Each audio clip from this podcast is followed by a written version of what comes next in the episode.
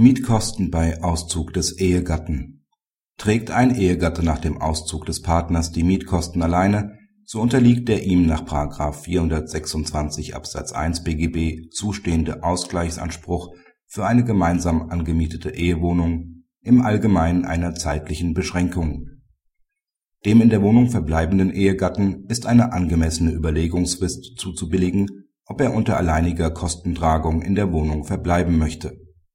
Im Jahre 1999 mieten die Parteien gemeinsam eine Wohnung. Die Ehe wird 2001 geschlossen. Ende August 2004 zieht der Mann aus der Ehewohnung aus. Die Frau verbleibt bis Ende August 2006 in der Wohnung und bestreitet sämtliche Kosten. Im August 2008 fordert die Frau den Mann auf, sich für den Zeitraum Januar 2005 bis August 2006 hälftig an der Zahlung des Mietzinses und an der Betriebskostennachzahlung zu beteiligen.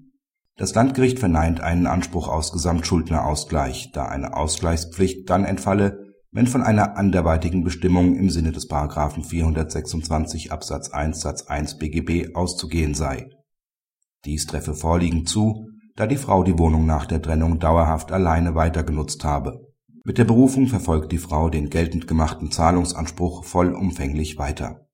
Das OLG stellt fest, dass der Mann der Frau den hälftigen Mietzins und die anteilige Betriebskostennachzahlung für die Monate Januar bis April 2005 schuldet, denn eine ausdrückliche anderweitige Bestimmung im Sinne des § 426 Absatz 1 Satz 1 BGB ist von den Parteien für diesen Zeitraum nicht getroffen worden es verbleibt daher im Innenverhältnis zunächst dabei, dass die Parteien zu gleichen Anteilen verpflichtet sind. Allerdings erkennt die Rechtsprechung an, dass die Mithaftung des Ausziehenden in zeitlicher Hinsicht Einschränkungen unterliegt.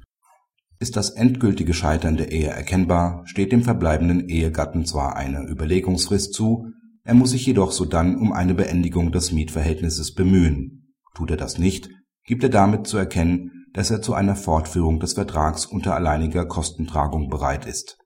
Das OLG führt aus, dass spätestens im Oktober 2004 für die Frau ersichtlich war, dass die Ehe gescheitert ist. Aufgrund der Tatsache, dass die Parteien die Wohnung fünf Jahre bewohnten, billigt das OLG der Frau eine Überlegungszeit von sechs Monaten zu. Der Mann muss sich daher bis April 2005 hälftig an den Mietaufwendungen beteiligen nach Ansicht des OLG besteht die Pflicht des ausgezogenen Ehegatten, sich an den Wohnkosten für diesen Zeitraum zu beteiligen, auch dann fort, wenn sich der andere Partner für den Verbleib in der ehemals gemeinsamen Wohnung entscheidet.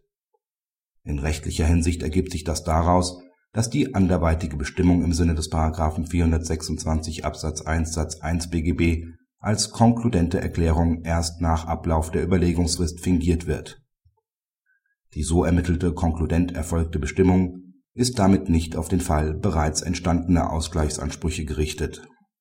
Praxishinweis § 1361b und § 1568a BGB treffen Regelungen hinsichtlich der Ehewohnung im Falle des Getrenntlebens und der Scheidung.